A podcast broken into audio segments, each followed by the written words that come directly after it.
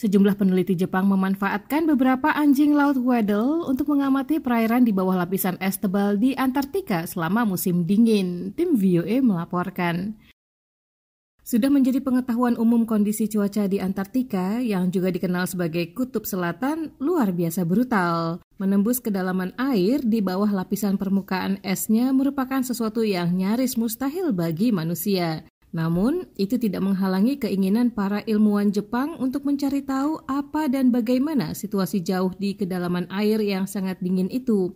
Mereka pun memanfaatkan hewan yang biasa hidup di perairan itu, yaitu anjing laut. Pemimpin proyek itu, Nobuo Kokubun, mengatakan mereka memanfaatkan delapan anjing laut jenis Weddell. Hewan itu masing-masing dilengkapi dengan perangkat seberat 580 gram di kepala mereka untuk merekam suhu air dan kadar garam jauh di kedalaman air.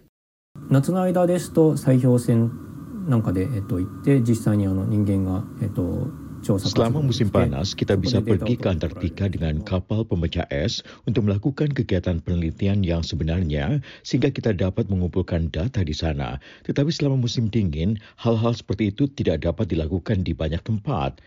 Namun bahkan dalam situasi seperti selama musim dingin, banyak hewan seperti anjing laut hidup di daerah Antartika. Jadi saya pikir kita harus meminta mereka mengumpulkan data untuk kita. Proyek mereka bukan proyek baru. Namun, hasil studi proyek yang digelar antara Maret dan November 2017 di Antartika ini, atau tepatnya selama musim dingin di sana, dirilis baru-baru ini seiring makin gencarnya pembicaraan soal perubahan iklim dan dampaknya bagi lingkungan, termasuk Antartika.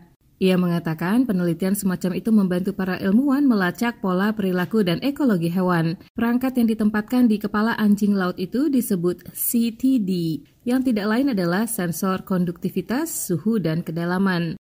Sensor itu memungkinkan para ilmuwan mengumpulkan data pengamatan di daerah di mana kondisi lingkungannya sangat keras.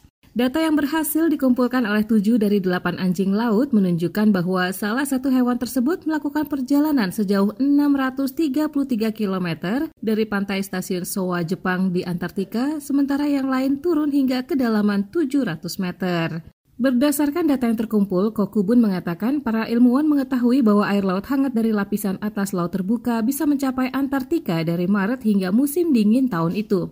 Air itu mengalir di bawah lapisan es dan membawa makhluk-makhluk laut seperti krill Antartika yang merupakan sumber makanan utama bagi anjing laut. Proyek berikutnya, tim ilmuwan Jepang ini adalah mengkaji dampak pemanasan global di kawasan pesisir Antartika. Kokubun berharap bisa memodifikasi CTD agar dapat dipasang pada hewan lain di kutub selatan seperti penguin. これをもうちょっと小型化するような工夫をして Kelebihan penguin adalah mereka selalu kembali ke tempat yang sama dan kami dapat segera mengumpulkan data dari mereka. Selain itu, keuntungan lainnya adalah kami dapat memanfaatkan perangkat kami pada penguin dalam jumlah besar sehingga dapat mencakup area penelitian yang luas. Demikian laporan tim VOA Arif Budiman, Lea Johannes.